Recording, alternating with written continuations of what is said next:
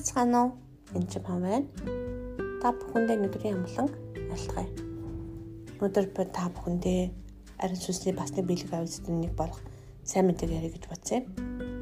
2 дугаар Коринтын 5:20. Месс бид Кристийн төлөөх элчин сайд юм.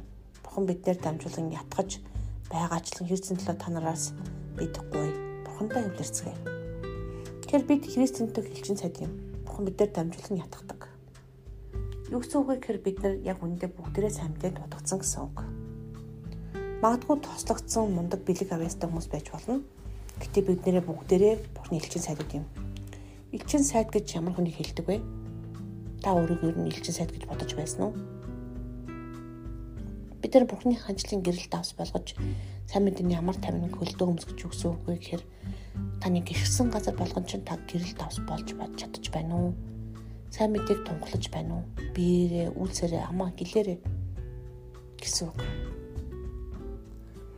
Тэгэхээр яг үүнтэй сайн мэдээ тунгалагч нэрийн хамгийн тод жишээ бол Иесус Христ өөрөө мөн.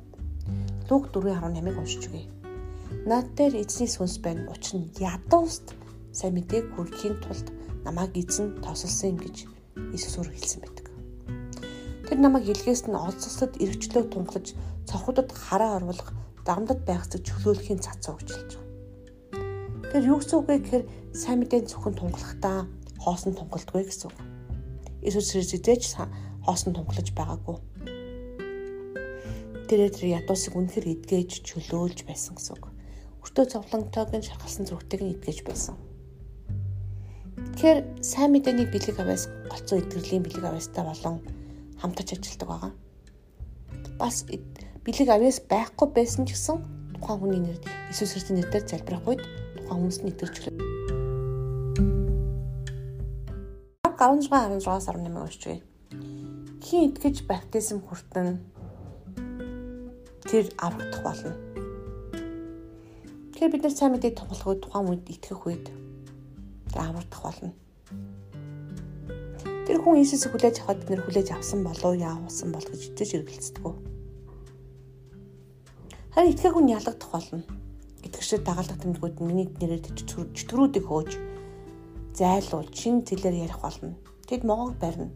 Бас өгүүлэх ямар ч юмтэй дуусан тэрэнд тэдэнд хор болохгүй. Өчтөн тэд гар тавилт итгэн гэж айлцсан. Тэгэхээр сайн мэдээг зөвхөн хоосон ярьдаггүй. Бидний эзэн бурхан бол амьд бурхан. Өөр бусад бурхтаас ялгаатай зүйл нь юу вэ гэхээр амьд тэд одоо ч амьд. Иесус Христ зөвхөн загламаа цовдлогдсон гэж хүмүүс байдаг. Тийм их цовдлогдоод дахин амьсан бөгөөд эзний баруун талд суусан. Тийм учраас бид нар үнэхээр бидний аврал үнэхээр үнэн бодтой.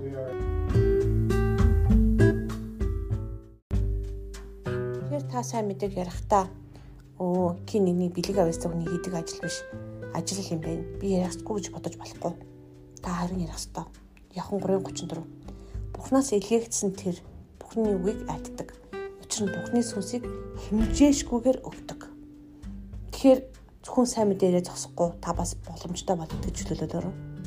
Тухайн сайн мэдээ ярьж байгаа юм чинь хөрөвчин зовлонтой бол гар тавин залбираа. Гэтэ зүгээр нэг гар тавинд биш.